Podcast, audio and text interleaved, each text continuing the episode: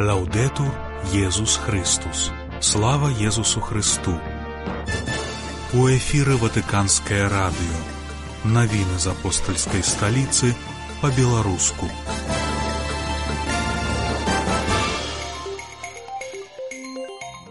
Прапаведнік папскага дома звярнуўся да вернікаў з трэцім велікапосным відэаразважаннем.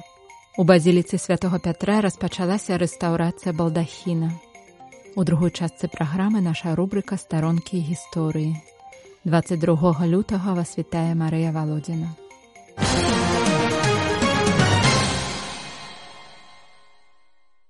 Бог ідзе са сваім народам. Так гучыць тэма 110 сусветнага дня мігранта і бежанца, які будзе адзначацца ў каталіцкім касцёле ў нядзелю 29 верасня. Сёння дэкастэрыя паслужэнні інтэгральнаму развіццю чалавека паведаміла, што пасланне святога айца на сёлетні сусветны дзень мігранта і бежанца будзе засяроджана на вандроўным вымярэнні касцёла з асаблівым позіркам скіраваным на братоў і сясцёр мігрантаў, сучасны вобраз касцёла ў дарозе. Гаворка ідзе пра шлях, якім трэба ісці сінадальна, каб пераадольваючы ўсе перашкоды і пагрозы разам дасягнуць сапраўднай радзімы. Падчас падарожжа, дзе б мы не знаходзіліся, вельмі важна распазнаваць прысутнасць Бога, які ідзе разам са сваім народам, гарантуючы яму кіраўніцтва і абараняючы на кожным кроку. Але не менш важна распазнаваць прысутнасць пана Эмануэля, Бога з намі, у кожным мігранце, які стукаецца ў дзверы нашага сэрца і прапануе сустрэцца з ім, гаворыцца ў ватыканскім паведамленні.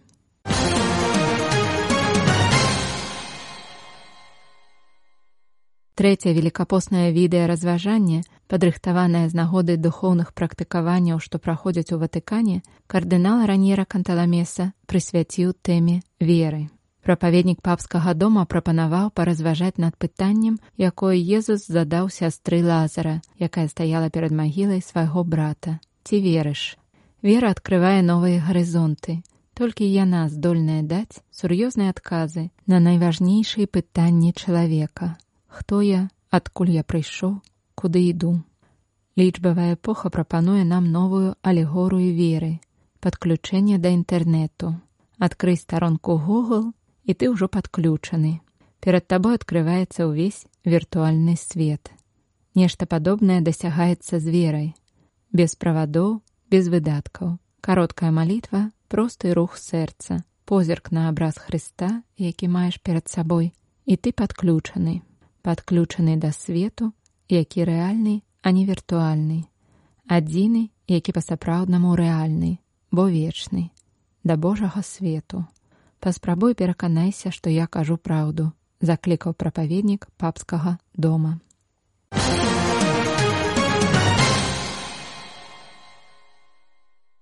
Папа францішак прызначыў чатырох новых членаў рады секцый па сувязях з дзяржавамі і міжнароднымі арганізацыямі, так званай другой секцыі дзяржаўнага сакратарыята, якую ўзначальвае арцыбіскуп Пол Рчард Галахер. Новымі членамі рады сталі кардынал Луіс Антоніа Тагле, пропрэфект дэкастэрыі па евангелізацыі, кардынал Майкл Чэрны, прэфект дэкастэрыі па служэнні інтэгральнаму развіццю чалавека і кардынал Клаўдыё Гуджыротці, прэфект дэкастэрыі па справах усходніх цэркваў. Папа таксама прызначыў членам рады айца Джулія Альбанезе, дырэктара службы сацыяльных камунікацый і місіянерскай службы рымскага викарыята. У эфіры ватыканскае радыё.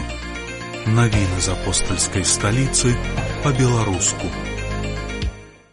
27 лютага ў Ватыкане адбудзецца ўручэнне прэміі міжнароднага конкурса эканоміка і грамадства, які праводзіцца ў шосты раз фондам Чэнтэзімус Анус про Понтэфіча.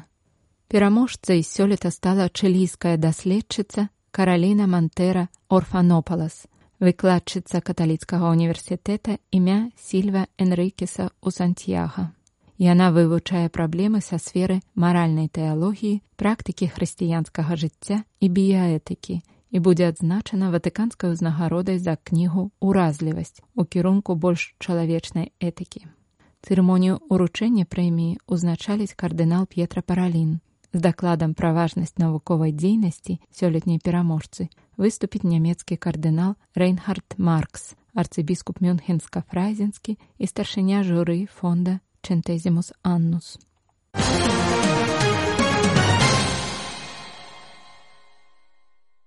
Рэстаўрацыя амаль 30метровага бронзавага балдахіна над папскім алтаром і магілай апостала Пятра ў ватыканскай базіліцы павінна завяршыцца напрыканцы лістапада 2024 года. Падрыхтоўчай працы ўжо пачаліся. Гаворка ідзе пра другую важную рэстаўрацыю балдахіна ад часу яго стварэння ў 1625 годзе нагадаў айцец Энца Фортуната падчас прэзентацыі праекта рэстаўрацыйных прац журналістам, якая прайшла учора ў Ватыкане. Законнік звярнуў увагу на важнае значэнне балдахіна, які ўзвышаецца над магілай апостала Пятра і папскім алтаром. Гэта месца цэнтр базілікі і можам сказаць, што ўсё адбываецца вакол яго. Адсюль вынікае мастацкая, культурная, сімвалічная і духоўная важнасць. Тут праходзіць эўхарыстычная цэлебрацыя. Тут знаходзіцца эўхарыстыя, крыніца і вяршыня хрысціянскага жыцця, сказаў ён, падкрэсліваючы, што ў сілу згаданых прычын гэта месца павінна мець годны выгляд. За нашымі навінамі вы можете сачыць на інтэрнэт-старонцы бівай.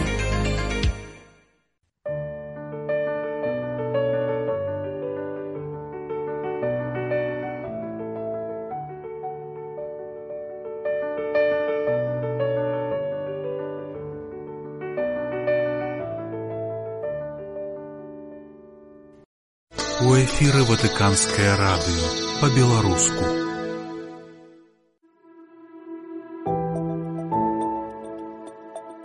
Знешне члены такіх тайных э, манаскіх супольнасцей абсалютна нічым не адрозніваліся ад іншых людзей. Манахі не сапраўды былі падобныя да анёлаў прысутнасці, якіх мы не бачым, часта не адчуваем, але яны заўсёды знаходзяцца каля нас.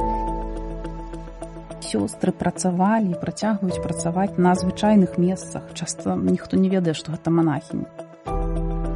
монахінь стагоддзя наўпрост вымагала менавіта такой формы арганізацыі манаска жыцця неверагодна 5 кляштараў у краіне ваяўнічага атэізму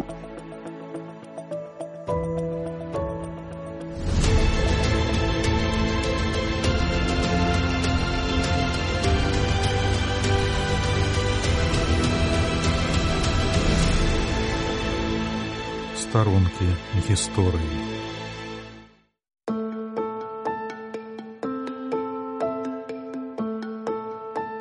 Вітаю сябры з вами Александр Панчынка вы слухаеце падкаст ватыканскага радыё старонкі гісторыі.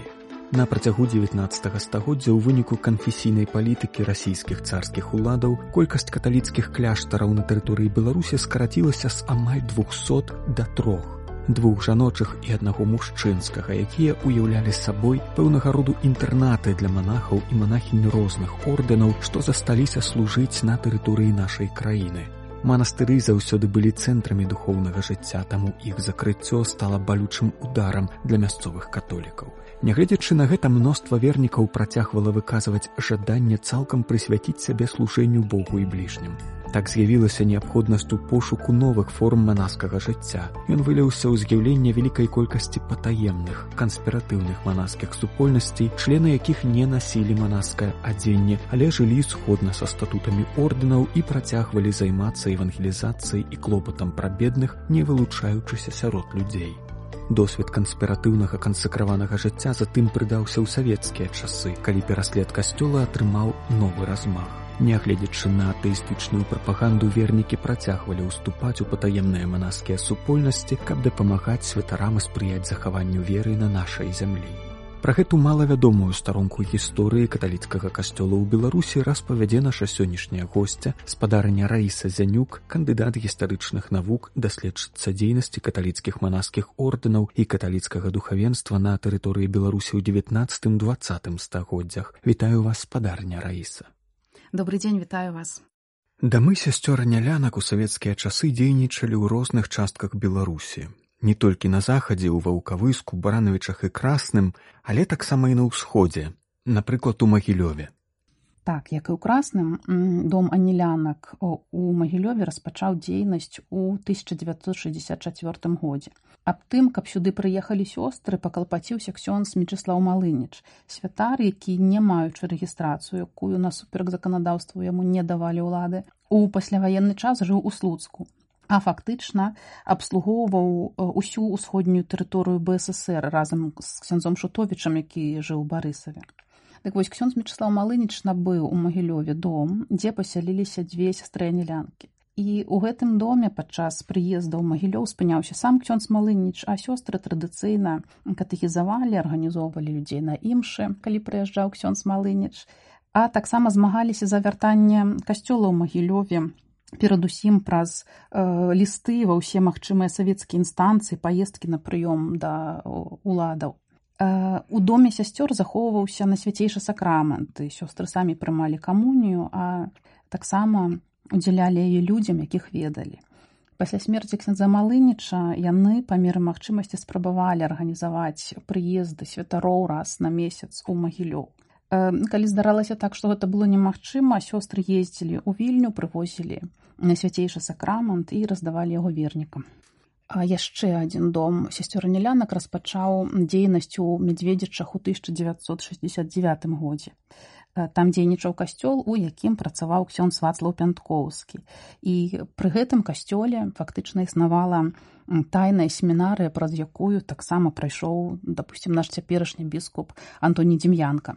Тут за працу ўзяліся дзве сястры, якія поўнасцю узялі на сябе клопат пра касцёл, то бок пра сакрыстую, пра аздабленне, гралі на аргане, а таксама выраблялі тут камуніканты.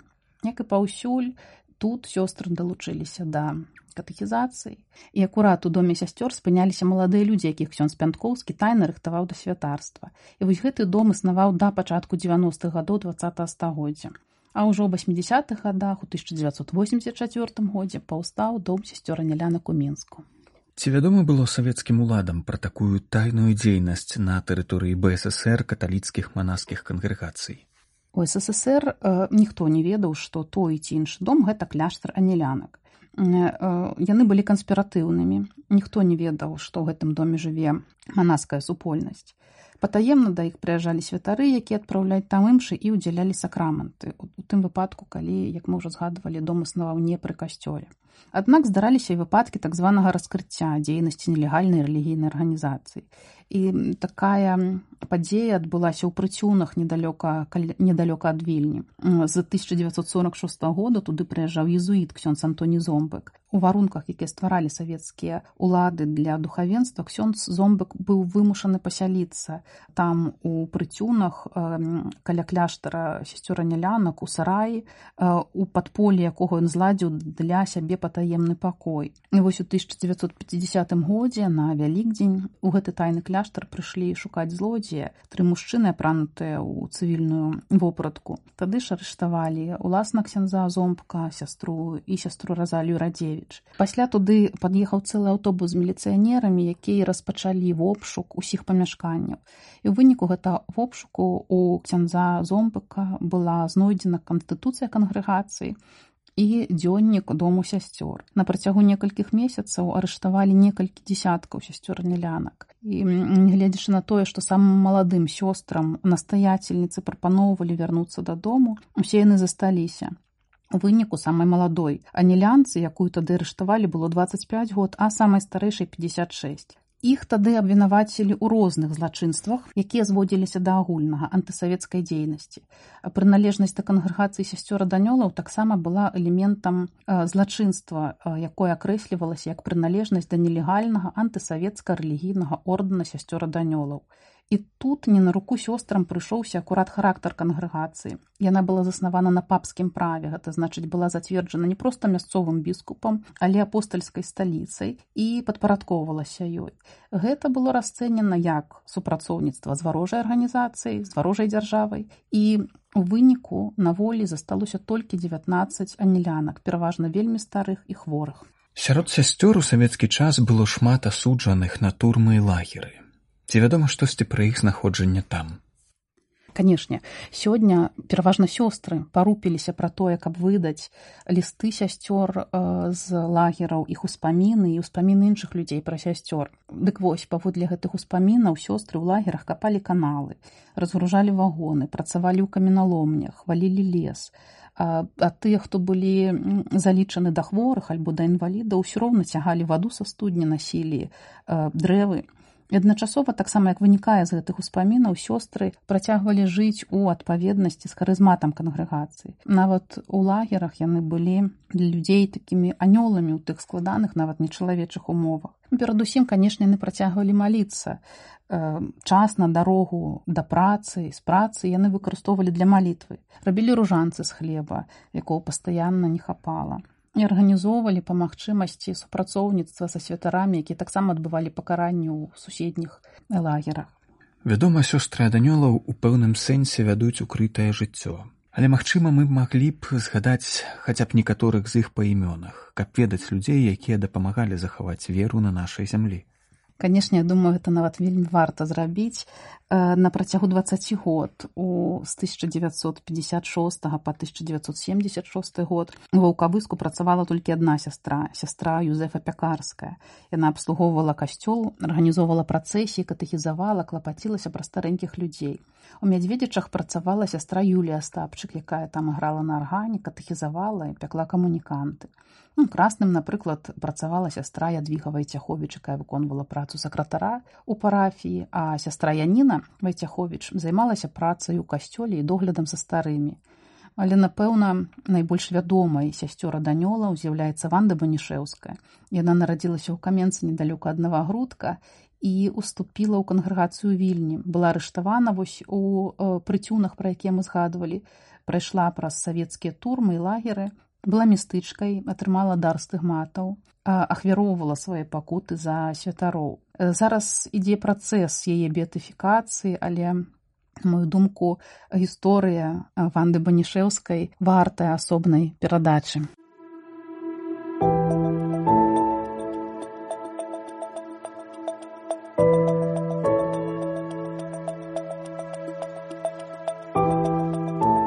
Захаванне памяці пра гэтых анёлаў на нашай зямлі наш абавязак. Іх гераічнае ахвярнае служэнне вельмі дапамагло захаваць веру і пакінула шматлікіх сведкаў, якія працягваюць натхняць нас і клапаціцца пра нас з неба памятаць пра гэту гераічную старонку гісторыі нашага касцёла трэба не толькі для таго, каб аддаць даніну пашаны членам тайных кангрэгацый, але таксама каб ніколі не забываць, што цяжкія умовы сітуацыі забаронаў і пераследу не павінны станавіцца прычынай для роспачы, але нагодай для крэатыўнага пошуку новых форм служэння Богу і бліжнім. Бо як кажа папа францішак, кожны крызіс гэта магчымасць, якая не павінна быць змарнавана.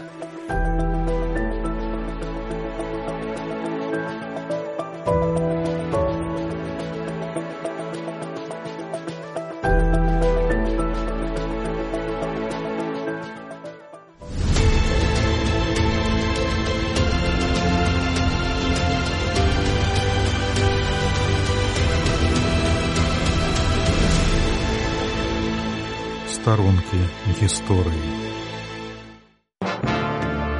Вы слухали беларускую праграму ватыканскага радыё.